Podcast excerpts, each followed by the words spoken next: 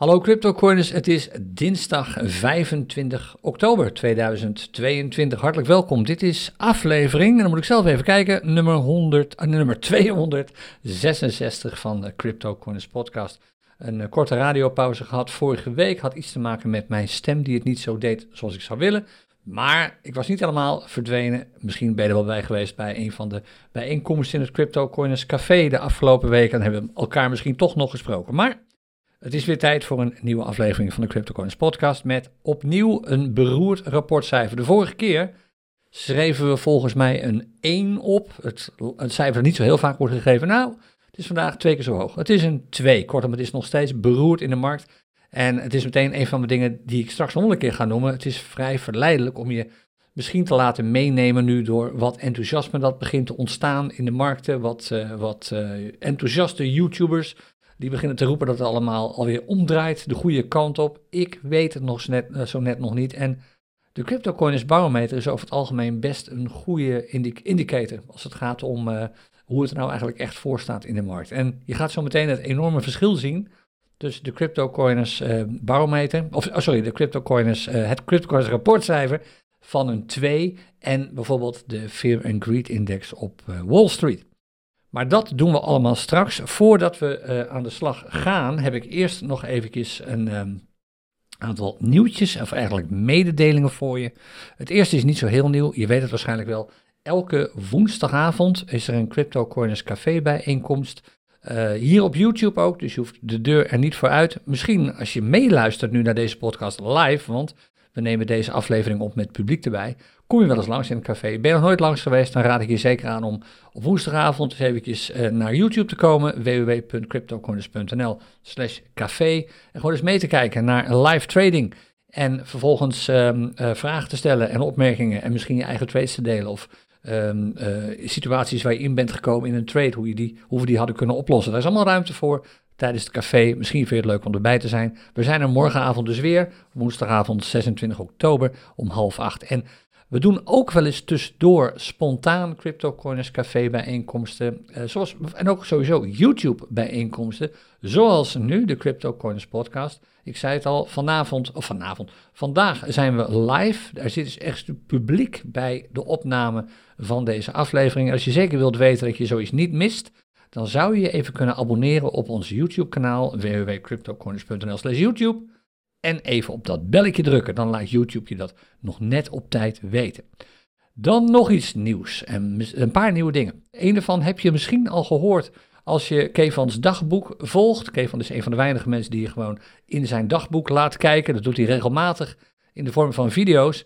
En uh, Kevan heeft gisteren al gezegd dat er iets nieuws staat aan te komen, namelijk een extra live stream op YouTube, CryptoCoiners Clubhuis. En de man die in het CryptoCoiners Clubhuis min of meer achter de bar staat, is Kevan.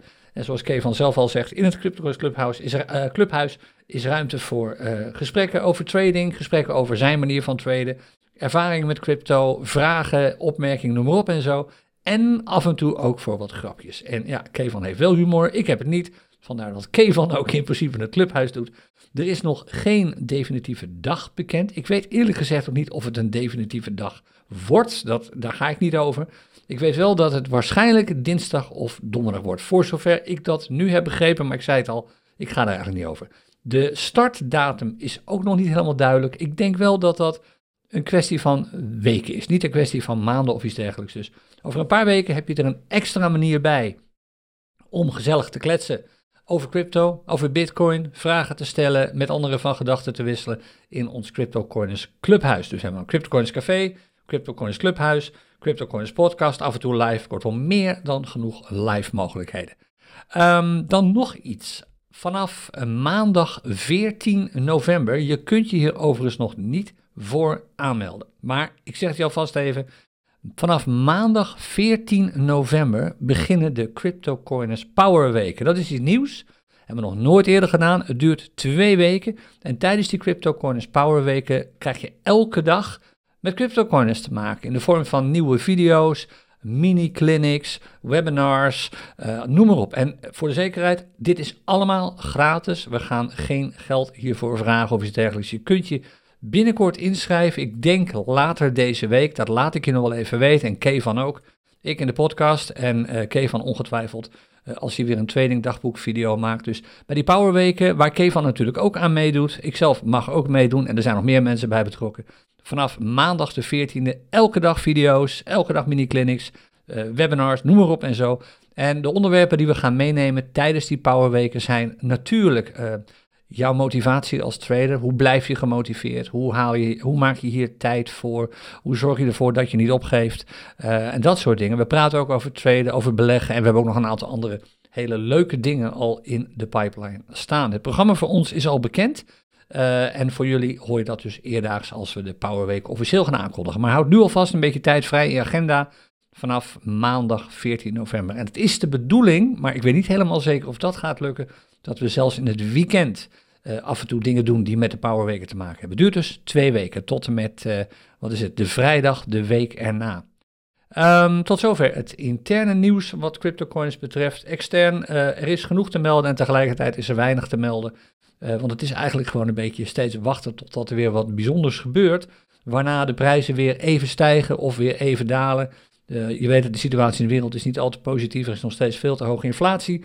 Er ontstaat nu alweer wat onrust op de markt. Hoewel je dat nu nog niet ziet op de traditionele beurs in, uh, Europa. Over de renteverhoging die de ECB ongetwijfeld zal gaan aankondigen. Die voor deze week staat gepland. En voor de rest in Amerika is men op dit ogenblik wat uh, optimistischer. Maar dat is een bizar scenario. Daar kijken we straks nog eventjes naar als we de charts erbij pakken. En als je meekijkt op YouTube, dan zie je op dit ogenblik, als het goed is, ook de charts in beeld. En als je hierbij bent bij de opname van deze podcast, zie je dat dus ook. Overigens, wil je een keer bij deze opname zijn, dan kun je dat doen via cryptocorners.nl slash podcast-live. Dan houd je, kun je goed in de gaten houden wat er allemaal gebeurt. Nou, hoe zien de charts eruit? We kijken eerst even naar de weekchart, omdat we natuurlijk eigenlijk een nieuwe week zijn begonnen, gisteren al. Uh, we laten de urenchart voor vandaag even zitten. We kijken alleen naar Bitcoin en Ether met de dollar uh, als quote asset, zoals het heet, als basismunt. En we beginnen even met de Bitcoin chart, de weekchart. Uh, wat de Bitcoin weekchart betreft, we zijn technisch gezien eigenlijk nu op weg nog steeds naar een nieuwe piek, maar dat is al wekenlang zo. Als je kijkt op deze chart en je kijkt naar uh, vanaf maandag 19 september, zie je dat al een tijd lang eigenlijk niets of nauw, niet of nauwelijks wat met de koers gebeurt.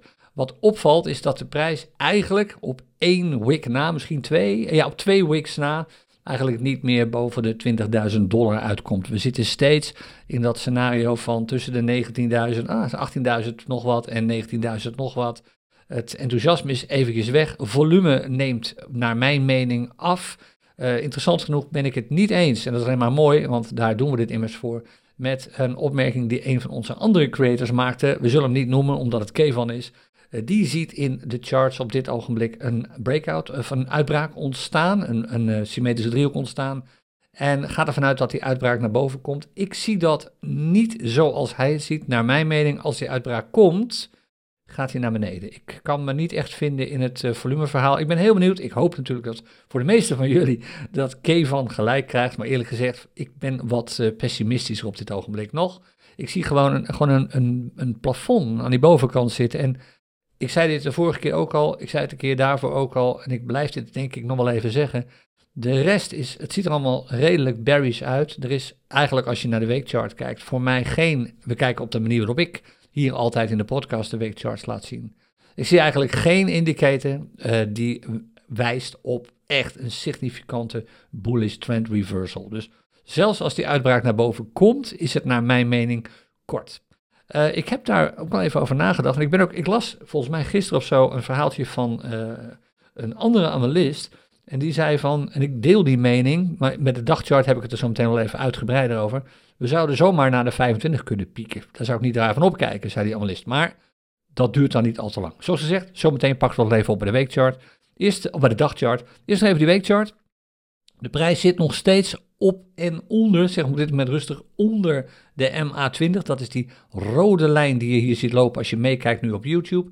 Dat is het voortschrijdende gemiddelde van de laatste 200 prijzen, de laatste 200 uh, weeksluitingen. En de prijs is alweer, en dat is nu echt al een aantal weken aan de gang, dat is nu eigenlijk al het geval sinds 15 augustus, meer dan twee, twee maanden, onder de Keltner Channels gesloten. De prijs komt steeds dichter in de buurt van de onderste band van de Keltner Channels. Dat zijn die blauwe lijnen bij mij op het scherm.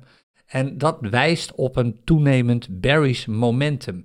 Momentum gaat eigenlijk voor trend. Eigenlijk de reeks die ik altijd hanteer is volume, dus de hoeveelheid van iets dat wordt verhandeld, dicteert het momentum. Momentum gaat voor de trend en trend gaat voor de prijs. Dus momentum zeg maar is de rem waarop wordt getrapt of het gaspedaal waarop wordt getrapt. En er wordt nog steeds, naar mijn mening, als je kijkt naar deze chart met de Keltner Channels erbij, gewoon hard op de rem getrapt. En dat betekent dat ik nog steeds, ik zeg dit echt al een aantal weken, dat weet ik, maar eh, ik wil ook niet te pessimistisch overkomen, want misschien weet je dat voor de lange termijn ben ik extreem bullish over Bitcoin. Ik weet hoe ontzettend veel institutioneel geld er ligt te wachten om in crypto te stappen. Ik snap die institutionals ook wel dat ze dat op dit ogenblik natuurlijk niet doen, want die kopen nooit de dip. Die wachten gewoon op bullish reversals en stappen dan pas in. Maar de hoeveelheid geld die klaar ligt om in crypto te pompen, op wens van al die investeerders die klanten zijn bij dergelijke grote institutionals, die hoeveelheid geld is enorm. Dus dit is echt je zou bijna zeggen, dit zijn gewoon buitenkansjes die je nu kunt pakken om voor dergelijke prijzen nog aan bitcoin te komen. Dit had ook niemand meer verwacht toen we vorig jaar opeens richting de 60, 70.000 schoten. Dus iedereen van, nou, we gaan nooit meer op dit soort prijsniveaus komen. We zijn daar nu weer en misschien zijn dit wel buitenkansjes. Maar ik zelf ben absoluut niet verbaasd, nog steeds niet, als we onder die groene lijn duiken die je op mijn scherm ziet. Uh, die 18.000, die prijszone van 18.000 is wat mij betreft niet heilig. Het is een sterke vloer, dat zie je. Want kijk, we hebben al een aantal keer die prijszone geraakt. Het begon 13 juni, het begon eh, daarna in de week van 27 juni, uh, eh, 4 juli ook, steeds in de buurt. Daarna op, uh, 5, in de week van 5 september. Daarna een aantal keer achter elkaar 19 september, de week daarna. Nu weer de week van 10 oktober. Steeds weer wordt die vloer getest. En zo'n vloer laten we eens op dit ogenblik zien dat er een sterke support is. Er is een sterke ondersteuning voor die prijs. Veel ehm, mensen hebben daar koopopdrachten staan, maar het is een gouden wet in technische analyse dat support op een gegeven moment een keer breekt. Zie het als een vloer van gipsplaat waar voortdurend op wordt gestampt. Het is een goede kwaliteit gipsplaat, maar op een gegeven moment breekt dat een keer. Komt er een gat en val je er doorheen. En hoe vaker zo'n supportpunt wordt getest, die vloer van rond de 18.000, 18.200 dollar, des te grotere kans dat uiteindelijk de prijs er een keer doorheen valt. En dan kan het naar mijn mening best hard gaan.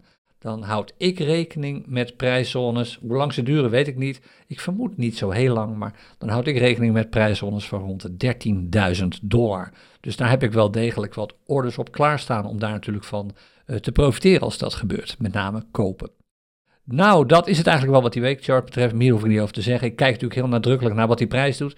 Zo gauw die prijs echt significant binnen die blauwe banden komt, binnen die Keltner channels, dan is er naar mijn mening sprake van een afnemend bearish momentum. Dat is nog niet zo op dit ogenblik. En als de prijs, maar dan moet er echt wel wat gebeuren. Als de prijs sluit, dus deze weekcandle sluit boven de MA200, die rode lijn die hier loopt, dat zou echt goed nieuws zijn. Maar dat is een flink bedrag. Op dit ogenblik moet de prijs daarvoor sluiten boven de 23.788 dollar. Dat is het niveau waar de MA200 nu op staat. Dit is dus ook een plafond. Dit is een weerstandslijn, die MA200. De prijs zit er nu onder. Dat plafond, daar is al wel een aantal keer tegenaan gebeukt. Het is niet zo massief als een standaard trendlijn die je hier ziet. Het is meer een dynamische trendlijn. Maar als de prijs er eenmaal boven komt, dat zou goed nieuws zijn. Dat zie ik dus op dit ogenblik nog niet gebeuren. En het is natuurlijk, die lijn wordt steeds vlakker zoals je ziet. Een kwestie van tijd voordat die lijn horizontaal wordt. En als dit zo doorgaat, uiteindelijk een keer gaat zakken. Maar daar is nog wel een aantal maanden voor nodig voordat dat uh, gebeurt. Ik let dus op die Keltner Channels als de prijs daar binnenkomt en zou sluiten. Zou super zijn. En ik kijk natuurlijk toch naar die MA200. Het zou helemaal mooi zijn als de prijs erboven komt. En dat brengt me op dat, uh, uh, die opmerking van die analist, die zijn verwachting, uh, wat er met de prijs zou kunnen gebeuren. Als ik naar de dagchart kijk, dan zie je daar iets meer over, ook van wat mij tot dat, tot dat gevoel brengt, dat het misschien wel eens die kant op zou kunnen gaan. Dus het lijkt erop dat ik mezelf een beetje tegenspreek. Dat ik aan de ene kant zeg van hé, hey, de prijs gaat dalen. Nu zeg ik opeens dat de prijs gaat stijgen. Ik denk dat we zo'n stijging wel eens zouden kunnen gaan krijgen, maar die duurt niet lang. Uh, een eventuele stijging is niet gefundeerd door sentiment in de markt, is niet gefundeerd door vertrouwen op dit ogenblik in de markt, in de economie. En dat betekent dat je een situatie krijgt waarin een aantal mensen zal inspringen als opeens de prijs begint te stijgen. Snel kopen, een soort FOMO. Maar daarna komt er weer zo'n punt waar mensen zeggen van, oh jee, oh jee, oh jee, paniek, paniek, paniek. Nu uitstappen, snel winst nemen of gewoon uitstappen. Je krijgt te maken met zogenaamde long squeezes, of de mensen, oftewel mensen gaan geld lenen om bitcoin te kopen, die vervolgens, dat geleende geld vervolgens uh, moet worden teruggehaald als de prijs daalt. Met dat wordt ook wel een margin trade genoemd. Dat soort scenario's gaan zich dan allemaal afspelen. Dus, maar hoe ik, erop, kom, dat komt zo meteen wel even. Eerst even de trend op de uh, dagchart. De weekchart was berries. De dagchart is nu ook berries. Dat was niet zo de laatste keer dat we een podcast aflevering opnamen. Nu dus wel. De trend op de dagchart is nu technisch berries geworden. Uh, wat, en dit zag Kevan ook al, en dit zie ik inderdaad ook gebeuren. De range, het bereik waarin de prijs zich beweegt, wordt steeds kleiner. Het, is, het beweegt allemaal niet meer zo heel veel. En ik zie eigenlijk het volgende gebeuren. De trend is nu berries op de dagchart. De prijs beweegt steeds minder, dus de volatiliteit neemt wat af. Het volume, en daar ben ik het dus met Kevin over oneens. Uh, voor mij, ik zie afnemend volume. Het volume neemt eigenlijk gewoon af. En dat betekent dat ik echt verbaasd zou zijn als deze support, daar heb je hem weer, deze gele lijn, de laatste trough die we hebben gezien op 13 oktober. Ik zou echt verbaasd zijn als die support houdt. En ik hoop het natuurlijk, en ik ben behoorlijk onder de indruk als Kevin van gelijk krijgt en we daadwerkelijk een uitbraak naar boven gaan zien. Dan wil je, als dat gebeurt, een paar dingen zien. Om te beginnen, die resistance, die weerstand rond de 20.000, ongeveer dit niveau. Hier zo, waar ik nu naar kijk, uh, dinsdag 4 oktober, woensdag 5, donderdag 6. Daar zitten de, de bovenkant, de wicks aan de bovenkant, de highs, zeg maar, ongeveer op dat niveau. Daar zit veel weerstand. We zien dat ook al een tijdje terug, rond 30 eh, augustus. We zijn er even boven geweest op weg naar de 23.000 zelfs, maar toen dropte alles weer en toen was er weer die weerstand. Die weerstand is gewoon super sterk. De laatste weken is de prijs, en dit, is echt al sinds, uh, wanneer was het? Sinds, uh, even kijken, wat was hier de high? Ja, sinds 14, 14 oktober is dat. Is de prijs al niet meer boven de 20 gekomen. En dat, je wilt eigenlijk gewoon een break zien van die zone, van 20.400. En mijn verwachting, als het dan daarom gaat, is het volgende. Ik vind die prijsdoorbraak van 18.000 naar beneden nog steeds realistisch. Maar het volgende zou wel eens kunnen gebeuren.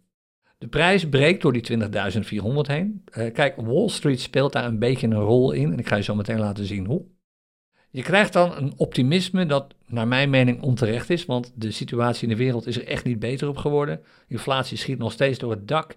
Uh, steeds, meer, steeds, minder, steeds meer mensen hebben problemen met het betalen van rekeningen. Productiecijfers lopen terug. Steeds meer bedrijven beginnen te piepen en te kraken. Af en toe is wat positiefs, maar zo spectaculair is het echt allemaal niet als veel beleggers denken. Dus we krijgen een doorbraak. Iedereen is blij. De prijs breekt door de 20.400 heen.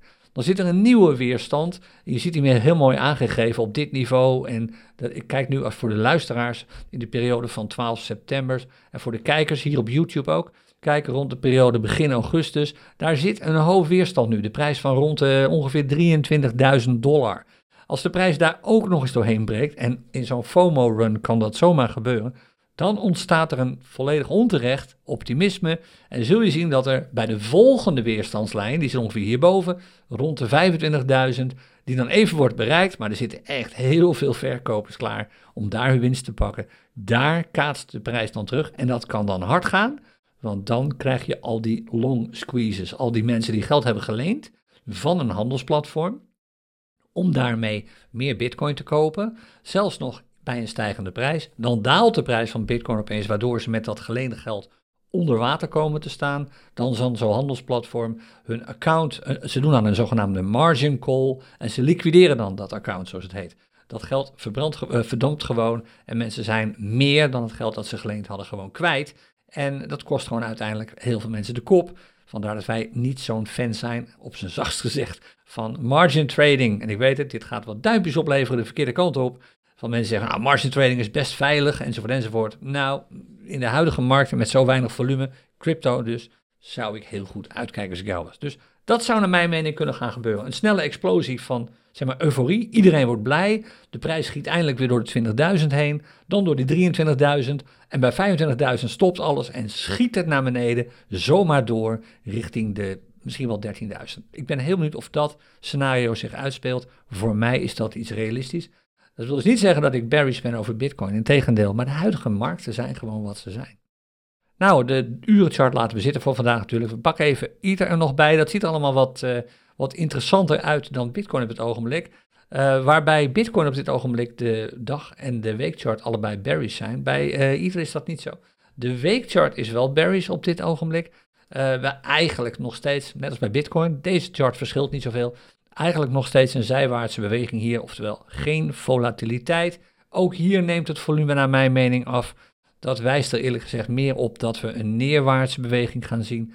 De prijs zit, nou je ziet het, hier loopt die rode MA200-lijn. Iets beter dan bij Bitcoin. De prijs rommelt om en nabij die prijs. Het is om en nabij die lijn. Die lijn biedt op dit ogenblik dus nog steun. Het is een vloer, maar al te veel heeft het niet om het lijf. De, de zone rond de 1155 is al een aantal keer getest, met name eerder deze maand. Uh, sorry, uh, in juni, mijn fout.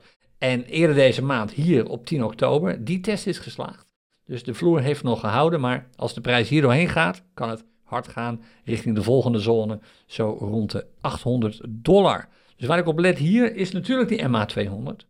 Als de prijs daaronder sluit, is belangrijk. En ik kijk ook naar die Keltner Channels, ook hier weer, want de prijs moddert. En je kunt dat het beste zien als ik een beetje probeer uit te zoomen. Kijk, als we hier kijken naar de periode vanaf uh, ehm, 12 september. Dit is een weekchart, dus we kijken week voor week. 12 september, 12 september sloot de prijs onder de onderste band van de Keltner Channels. Dat duidt op een toenemend bearish momentum. Er wordt harder op de rem getrapt en momentum gaat voor de trend. Dan de week daarna, de prijs staat onder de Keltner Channels. De week daarna ook, de week daarna ook, de week daarna ook. Vorige week, de week die op 17 oktober begon, uh, sloot de prijs binnen de Keltner Channels. Wat een signaal is dat het bearish momentum zou kunnen gaan afnemen, maar er nog steeds is. En ook deze week, en je moet echt inzoomen om dat te kunnen zien, ook deze week staat de prijs binnen de Keltner Channels, binnen de, vlak boven de onderste band. Dat is leuk, maar hij moet echt wel een stukje omhoog. Hij moet echt in de buurt van de bovenste zone komen. Zo boven deze EMA die hier loopt en onder deze ATR die daarboven staat. Hier zo, rond deze niveau, waar nu de PSAR staat, een prijsniveau van rond de 1600 dollar. Ook hier zouden we een soortgelijke euforie kunnen gaan zien als we zouden kunnen gaan zien bij Bitcoin. Dan kan dit zomaar gebeuren, maar let erop, dit zijn waarschijnlijk ook schijnbewegingen, want de markt is gewoon niet goed. Waar ik wat de dagchart natuurlijk wel uh, van, uh, of eigenlijk niet van sok, maar dat ik eigenlijk wel leuk vond, is dat die is omgekeerd. De dagchart, de trend op de dagchart, is nu bullish. We hebben een higher high en een higher low. Het is allemaal niet heel spannend als het gaat om prijsrange. Het zit zo tussen de 1250 en de, wat is het, 1350 dollar ongeveer. 1370 dollar. Maar de chart is nu bullish. We hebben higher highs, higher lows.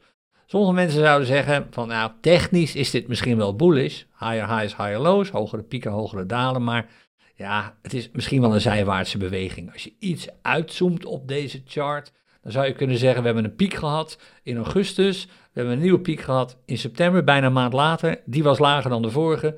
Nu zijn we eigenlijk nog steeds op zoek naar de volgende piek, die ook weer lager ligt. Dus de pieken worden steeds lager. We hebben een dal gehad uh, eind augustus. We hebben een nieuw dal gehad bijna eind september, rond de 22e. We hebben alweer een dal gezien half oktober. Dus de pieken worden lager, de dalen worden lager. Grosso modo is dit een bearish chart. Maar ja, dan behandel je deze dagchart min of meer als een weekchart. En dat wil je niet doen. Dus als je technisch kijkt, zou je kunnen zeggen: ah, de range is niet zo groot. Het bereik, het verschil tussen hoog en laag, tussen piek en dal. Maar in feite heb je binnen die range nu hogere piek en hogere dalen. Dat maakt deze chart bullish. En dat wordt bevestigd door de Keltner Channels. Het bearish momentum neemt zwaar af. We sluiten nog net niet boven de bovenste band, die nu al een aantal weken op rij, dit is de derde week geloof ik, gelijk loopt met de piek. Die zit echt aan de bovenkant van rond de 1370 dollar. Als de prijs daarboven sluit deze week, dat zou zomaar kunnen gaan gebeuren, zou ik niet raar van opkijken.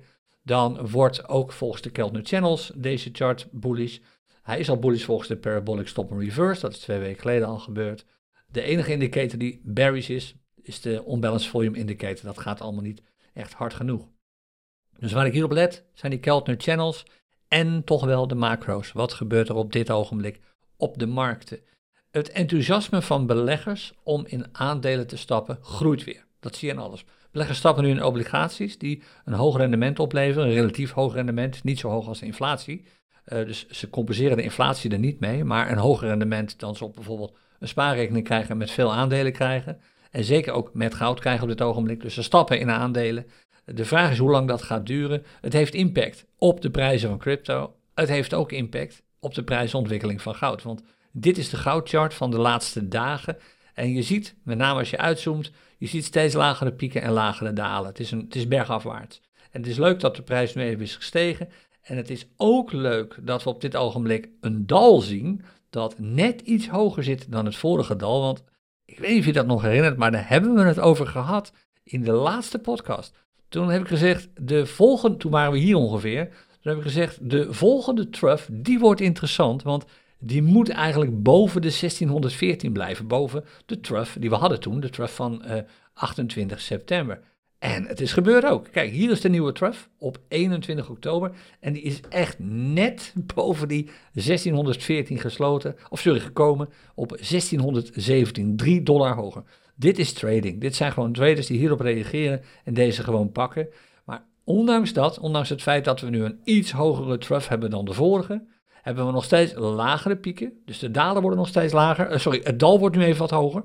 Maar de pieken zijn nog steeds lager geworden. Dus de goudchart is bearish en geeft dus aan dat beleggers het op dit ogenblik niet zoeken in assets zoals goud. We weten, ze zoeken het niet nog in assets zoals crypto. Ze gaan voor de obligaties en ze nemen af en toe een gok op de aandelenmarkt als ze weer worden misleid door opeens goed klinkende winstcijfers. En dat blijkt met name uit de Fear and Greed Index. Dit is de angst- en hebzucht-index op Wall Street. En je ziet hier dat die op dit ogenblik op neutraal staat. Zou je zeggen, nou prima, dus mensen zijn het eigenlijk, ze zijn niet bang, ze zijn ook niet hebberig. Alleen het bizar is dat de laatste podcast die we opnemen, opnamen, dat is echt maar een paar weken geleden, toen stond hij op 19. Toen hadden we te maken met extreme angst. En binnen een paar weken tijd schiet dit van extreme angst naar neutraal. Kijk, de afgelopen een maand geleden stond hij nog op 24, op extreme angst. Een week geleden nog op angst. En nu opeens op neutraal en volgende week misschien wel op hebzucht. Dit klopt niet. Dit is puur sentiment. Dit laat zien dat op dit ogenblik beleggers gewoon niet weten waar ze het moeten zoeken. En elk schijntje van goed nieuws dat maar komt, wordt opgepakt. Beleggers op dit ogenblik moeten investeren, want ze moeten hun rendement pakken dat hoger moet liggen dan de inflatie. Maar met een normale markt heeft dit niks te maken. Dus dit is extreem wispelturig. Houd daar natuurlijk rekening mee, want dit zie je echt overal terug op dit ogenblik. Dan nog even de heatmap. Nou, die is wisselend rood en groen. Deze heatmap, als je voor het eerste keer dit ding ziet als je meekijkt op YouTube, of als je hierbij bent in de studio nu, uh, deze heatmap laat het prijsverschil zien over de afgelopen dag van een uh, groot aantal cryptomunten, waaronder Bitcoin natuurlijk.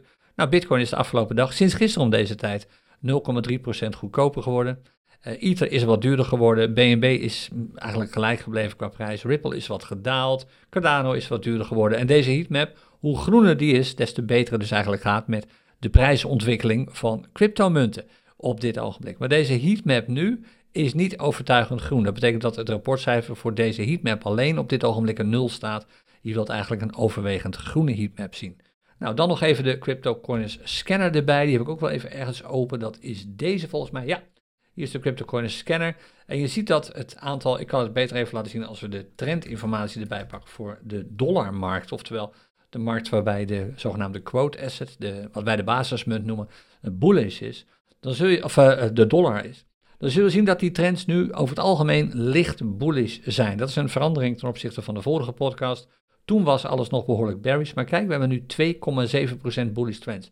Het is niet spectaculair. Kijk, er is geen chart bij die voor de volle 100% bullish is. Al wat is er wel een kleine chart te vinden, de minutenchart bijvoorbeeld, die bearish is, of de 5 minuten chart. Maar bij de bearish charts zijn we daadwerkelijk charts, zoals de Ethereum Classic hier, die voor 100% bearish is.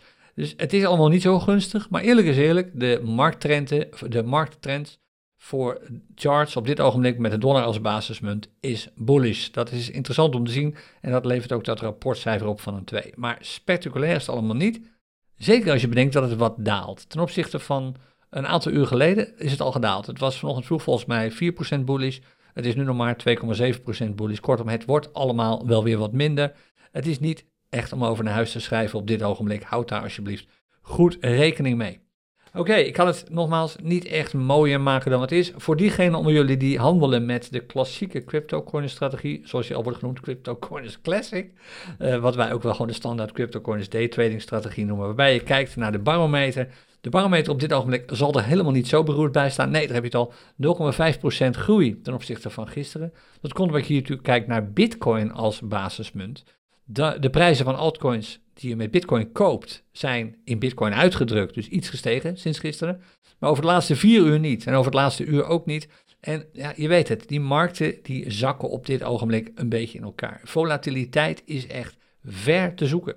En dat maakt het gewoon lastig om trades te doen uh, met veel volume op dit ogenblik. Als je met een behoorlijk groot volume aan het traden bent, uh, dan merk je dit. Je merkt dat het lastig is om in een trade te komen gewoon lastig om je orde gevuld te krijgen. En je merkt met name ook, zelfs als je in de winst staat, dat het soms lastig is om uit een trade te komen. Uh, situaties waarbij je als je een marktorde plaatst opeens een enorme wick ziet, zijn gewoon op dit ogenblik min of meer normaal geworden.